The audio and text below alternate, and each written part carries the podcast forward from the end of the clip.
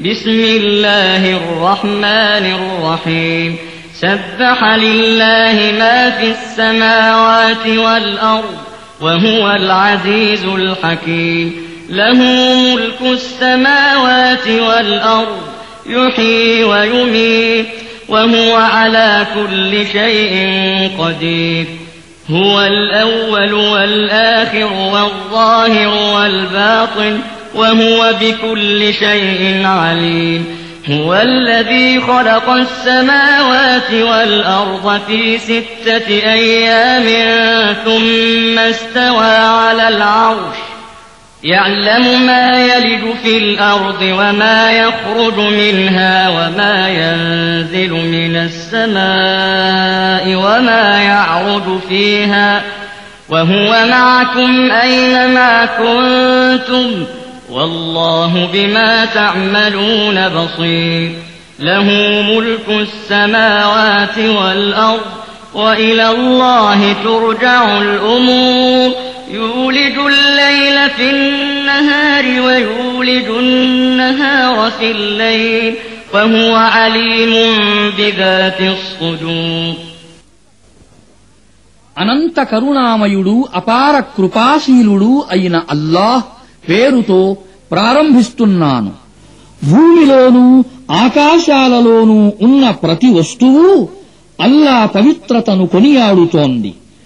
ఆయనే శక్తివంతుడు వివేకవంతుడును. భూమ్యాకాశాల సామ్రాజ్యానికి ప్రభువు ఆయనే.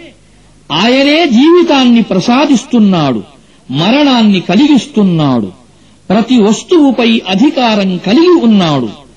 ఆయనే ఆరంభము ఆయనే అంతము. ఆయనే బాహ్యము ఆయనే గూఢము. ఆయనకు ప్రతి వస్తువును గురించి తెలుసు. ఆయనే ఆకాశాలను భూమిని ఆరు దినాలలో సృష్టించాడు. తరువాత అధికార పీఠాన్ని అధిష్ఠించాడు. భూమి లోపలకు పోయేది అందులో నుండి వెలుపలకు వచ్చేది ఆకాశం నుండి దిగేది దాని లోపలకు ఎక్కేది? అంతా ఆయన జ్ఞాన పరిధిలో ఉన్నది. మీరు ఎక్కడ ఉన్నా ఆయన మీతో ఉన్నాడు. మీరు ఏ పని చేస్తూ ఉన్నా దానిని ఆయన చూస్తున్నాడు. ఆయనే భూమ్యాకాశాల సామ్రాజ్యానికి అధిపతి. సమస్త వ్యవహారాలు నిర్ణయ నిమిత్తం ఆయన వైపునకే తీసుకుపోబడతాయి. ఆయనే రాత్రిని పగలులోకి పగలును రాత్రిలోకి ప్రవేశింపజేస్తాడు హృదయాలలో దాగి ఉన్న రహస్యాలను సైతం ఆయన ఎరుగును آمنوا بالله ورسوله وأنفقوا مما جعلكم مستخلفين فيه فالذين آمنوا منكم وأنفقوا لهم أجر كبير وما لكم لا تؤمنون بالله والرسول يدعوكم لتؤمنوا بربكم والرسول يدعوكم لتؤمنوا بربكم وقد أخذ ميثاقكم إن كنتم مؤمنين هو الذي ينزل على عبده آيات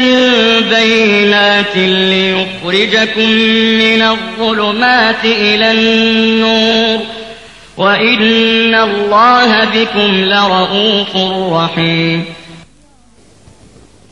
అల్లాను ఆయన ప్రవక్తను విశ్వసించండి ఆయన మిమ్మల్ని ఏ వస్తువులపై ప్రతినిధిగా నియమించాడో వాటిలో నుండి ఖర్చు పెట్టండి.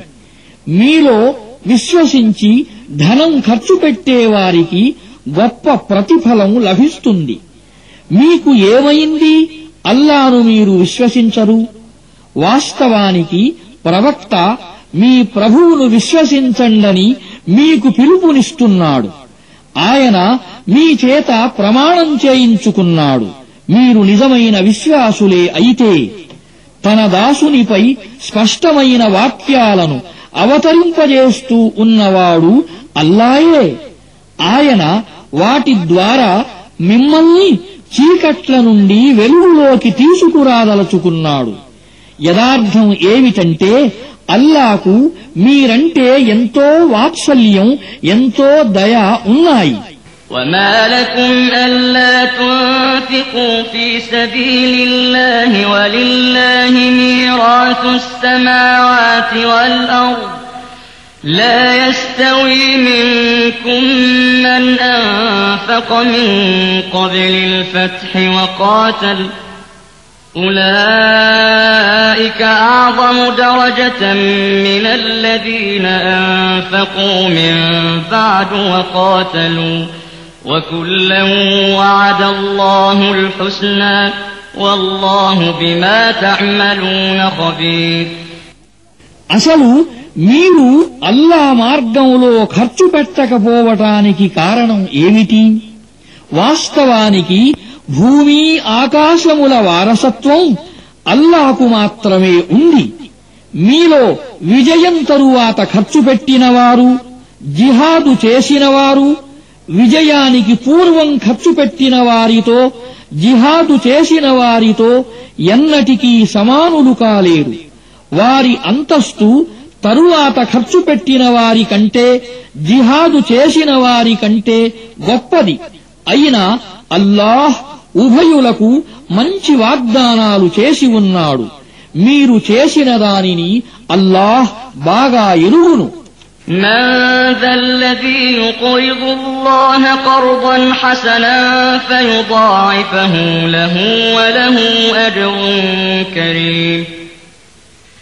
يوم ترى المؤمنين والمؤمنات يسعى نورهم بين أيديهم وبأيمانهم بشراكم اليوم. بشراكم اليوم جنات تجري من تحتها الأنهار خالدين فيها ذلك هو الفوز العظيم అల్లాకు రుణం ఇచ్చేవాడెవడైనా ఉన్నాడా మంచి రుణం అటువంటి వానికి అల్లాహ్ దానిని ఎన్నో రెట్లు పెంచి తిరిగి ఇస్తాడు అతనికి ఎంతో శ్రేష్టమైన ప్రతిఫలం లభిస్తుంది. విశ్వాసులైన స్త్రీ పురుషుల ముందు వారి కుడివైపున వారి వెలుగు పరుగెడుతూ ఉండటాన్ని నీవు చూస్తావు. ఆ రోజున వారితో ఈనాడు మీకు శుభవార్త ఉన్నది అని అనబడుతుంది. క్రింద కాలువలు ప్రవహించే స్వర్గ వనాలు ఉంటాయి. అక్కడ వారు శాశ్వతంగా ఉంటారు. ఇదే మహత్తరమైన సాఫల్యం يوم يقول المنافقون والمنافقات للذين آمنوا انظرونا نقتبس من نوركم قيل ارجعوا قيل ارجعوا وراءكم فالتمسوا نورا فضرب بينهم بسور له باب باطنه فيه الرحمه باطنه فيه الرحمة وظاهره من قبله العذاب. ينادونهم ألم نكن معكم؟ قالوا بلى ولكنكم فتنتم أنفسكم وتربصتم وارتبتم وتربصتم وارتبتم وغرتكم الأماني حتى جاء أمر الله وغركم بالله الغرور. فاليوم لا يؤخذ منكم فدية ولا من الذين كفروا. مأواكم النار هي مولاكم وبئس المصير. ఆనాడు కపటులైన పురుషులు కపటులైన స్త్రీల పరిస్థితి ఎలా ఉంటుందంటే వారు విశ్వాసులతో కొంచెం మా వైపు చూడండి మేము మీ వెలుగు ద్వారా కొంత ప్రయోజనం పొందుతాము అని అంటారు. కాని వారితో వెనక్కి వెళ్ళండి మీ వెలుగును మరొక చోట ఎక్కడైనా వెతుక్కోండి అని అనబడుతుంది. తరువాత వారి మధ్య ఒక గోడను అడ్డుగా నిలబెట్టటం జరుగుతుంది. దానికి ఒక ద్వారం కూడా ఉంటుంది. ఆ ద్వారానికి లోపల సౌఖ్యం బయట మాత్రం యాతన. వారు విశ్వాసులతో మేము మీతో కలసి ఉండలేదా? అని ఎలుగెత్తి మాటిమాటికి అరుస్తూ ఉంటారు. విశ్వాసులు ఇలా సమాధానం ఇస్తారు. నిజమే కాని మిమ్మల్ని మీరే స్వయంగా పరీక్షకు గురి చేసుకున్నారు. అవకాశవాదానికి పాల్పడ్డారు. సందేహంలో పడిపోయారు. లేనిపోని ఆశలు మిమ్మల్ని మోసం చేశాయి. చివరకు అల్లా నిర్ణయం వచ్చేసింది. అంతిమ క్షణం వరకు ఆ గజమోసగాడు సైతాను మిమ్మల్ని అల్లా విషయంలో మోసం చేస్తూ వచ్చాడు. కనుక ఈరోజు మీ నుండి ఎలాంటి పరిహారము తీసుకోబడదు. బాహాటంగా అవిశ్వాసానికి ఒడిగట్టిన వారి నుండి కూడా పరిహారము తీసుకోవడం జరగదు. మీ నివాస స్థలం నరకం. అదే మీ మంచి శబ్బరలను చూస్తుంది. ఇది చాలా చెడ్డ పర్యవసానం. ألم يأن للذين آمنوا أن تخشع قلوبهم لذكر الله وما نزل من الحق ولا يكونوا ولا يكونوا كالذين أوتوا الكتاب من قبل فطال عليهم الأمد فقست قلوبهم وكثير منهم فاسقون اعلموا أن الله يحيي الأرض بعد موتها قد بينا لكم الآيات لعلكم تعقلون విశ్వాసుల హృదయాలు అల్లా ప్రస్తావనతో చలించే సమయం ఆయన అవతరింపజేసిన సత్యం ముందు వంగిపోయే సమయం ఇంకా రాలేదా పూర్వం గ్రంథం ఇవ్వబడిన ప్రజల మాదిరిగా వారు మారిపోకూడదు. ఒక సుదీర్ఘ కాలం వారిపై గడచిపోయింది.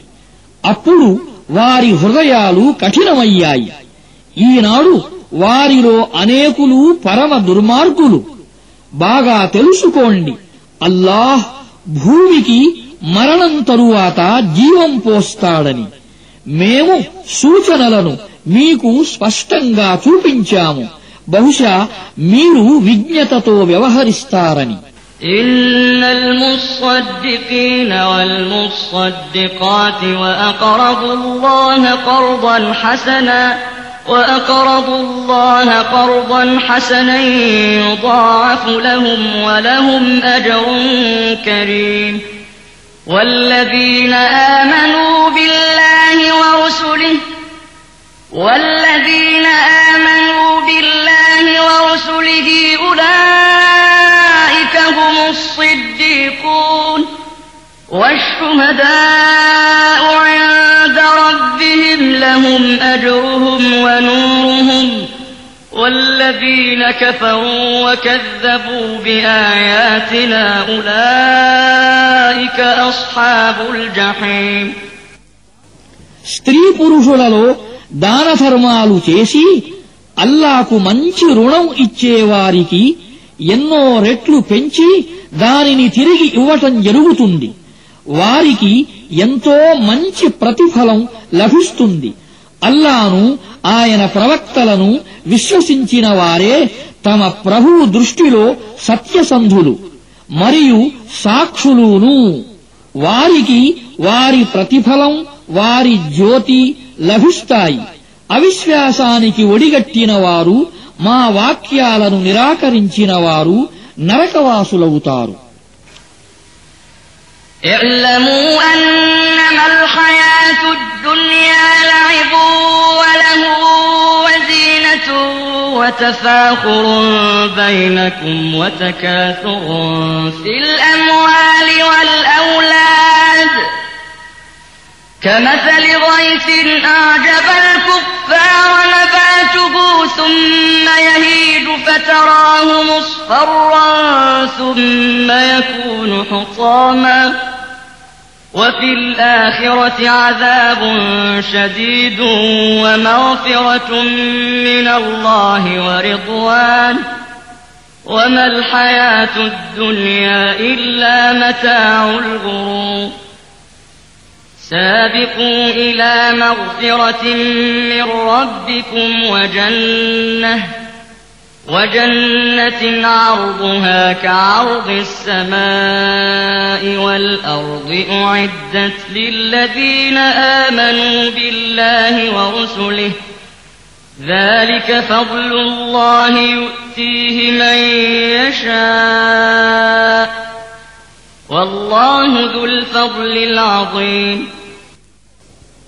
బాగా తెలుసుకోండి.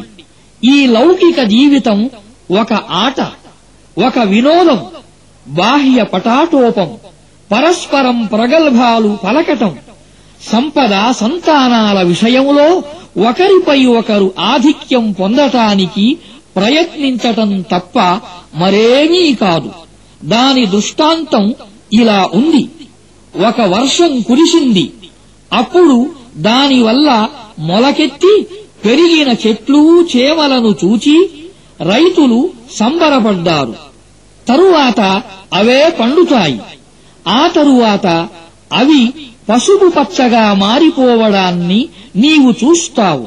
ఆపై అవి ఎండిపోయి పొట్టుగా మారిపోతాయి. దీనికి భిన్నంగా పరలోకం ఇలా ఉంటుంది. అక్కడ తీవ్రమైన శిక్ష ఉంటుంది. అల్లాహ్ క్షమాభిక్ష ఆయన ప్రసన్నత ఉంటాయి. ప్రాపంచిక జీవితం ఒక మాయ తడిక తప్ప మరేమీ కాదు. మీ ప్రభువు క్షమాభిక్ష వైపునకు పరుగెత్తండి. ఒకరికంటే ఒకరు ముందుకు పోయే కృషి చేయండి.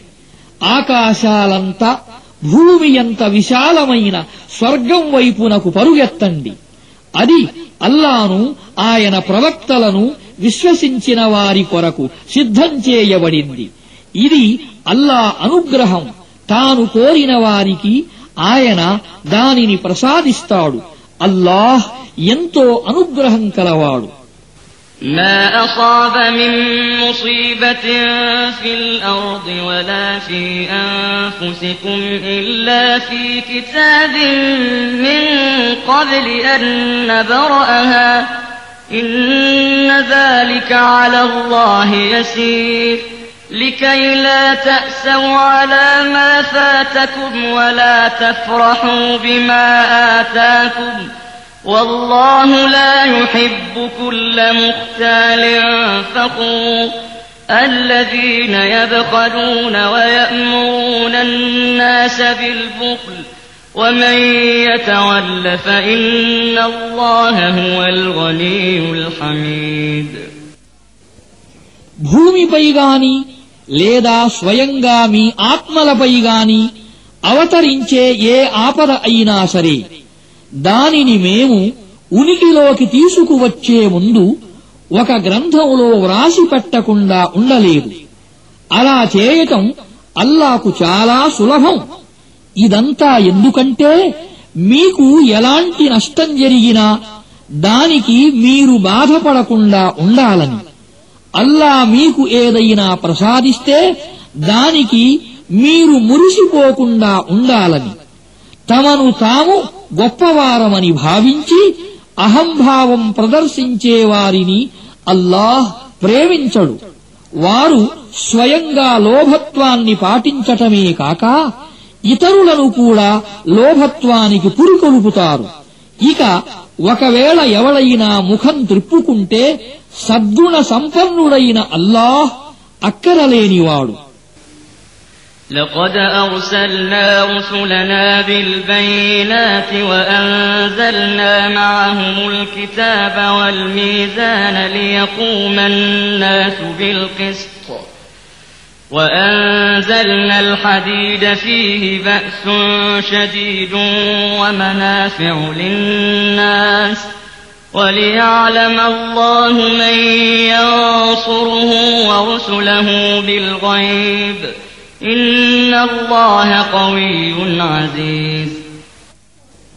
మేము మా ప్రవక్తలను స్పష్టమైన సూచనలతో హితోపదేశాలతో పంపాము. వారితో పాటు గ్రంథాన్ని త్రాసును అవతరింపజేశాము. ప్రజలు న్యాయంపై స్థిరంగా నిలబడాలని ఇనుమును దింపాము. అందులో మహత్తరమైన శక్తి ఉన్నది. ప్రజలకు ప్రయోజనాలు ఉన్నాయి. ఇలా ఎందుకు చేయబడిందంటే ఆయనను చూడకుండానే ఎవడు ఆయనకు ఆయన ప్రవక్తలకు సహాయపడతాడో అల్లాకు తెలియాలని నిశ్చయంగా అల్లాహ్ ఎంతో దృఢమైనవాడు సర్వశక్తిమంతుడూను ولقد أرسلنا نوحا وإبراهيم وجعلنا في ذريتهما النبوة والكتاب فمنهم مهتد وكثير منهم فاسقون. ثم قفينا على آثارهم برسلنا وقفينا بعيسى ابن مريم وآتيناه الإنجيل. وجعلنا في قلوب الذين اتبعوه رأفة ورحمة ورهبانية ابتدعوها ورهبانية ابتدعوها ما كتبناها عليهم إلا ابتغاء رضوان الله فما رعوها حق رعايتها فآتينا الذين آمنوا منهم أجرهم وكثير منهم فاسقون మేము నూహును ఇబ్రాహీమును పంపాము ఆ ఉభయుల సంతతిలో ప్రవక్త పదవిని గ్రంథాన్ని పెట్టాము తరువాత వారి సంతానంలో కొందరు సన్మార్గాన్ని అవలంబించారు కాని చాలామంది అవిధేయులైపోయారు వారి తరువాత మేము వరుసగా ప్రవక్తలను పంపాము. వారందరి తరువాత మరియం కుమారుడు ఈశాను ప్రభవింపజేశాము. ఆయనకు ఇంజీలును ప్రసాదించాము. ఆయనను అనుసరించిన వారి హృదయాలలో మేము జాలిని కరుణను కలిగించాము.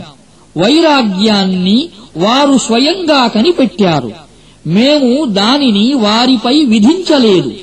కాని అల్లా ప్రసన్నతను పొందటానికి వారే స్వయంగా ఈ దురాచారాన్ని సృష్టించారు.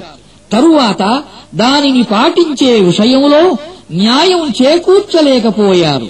వారిలో విశ్వసించిన వారికి మేము వారి ప్రతిఫలాన్ని ప్రసాదించాము. కాని వారిలో పలువురు అవిధేయులు.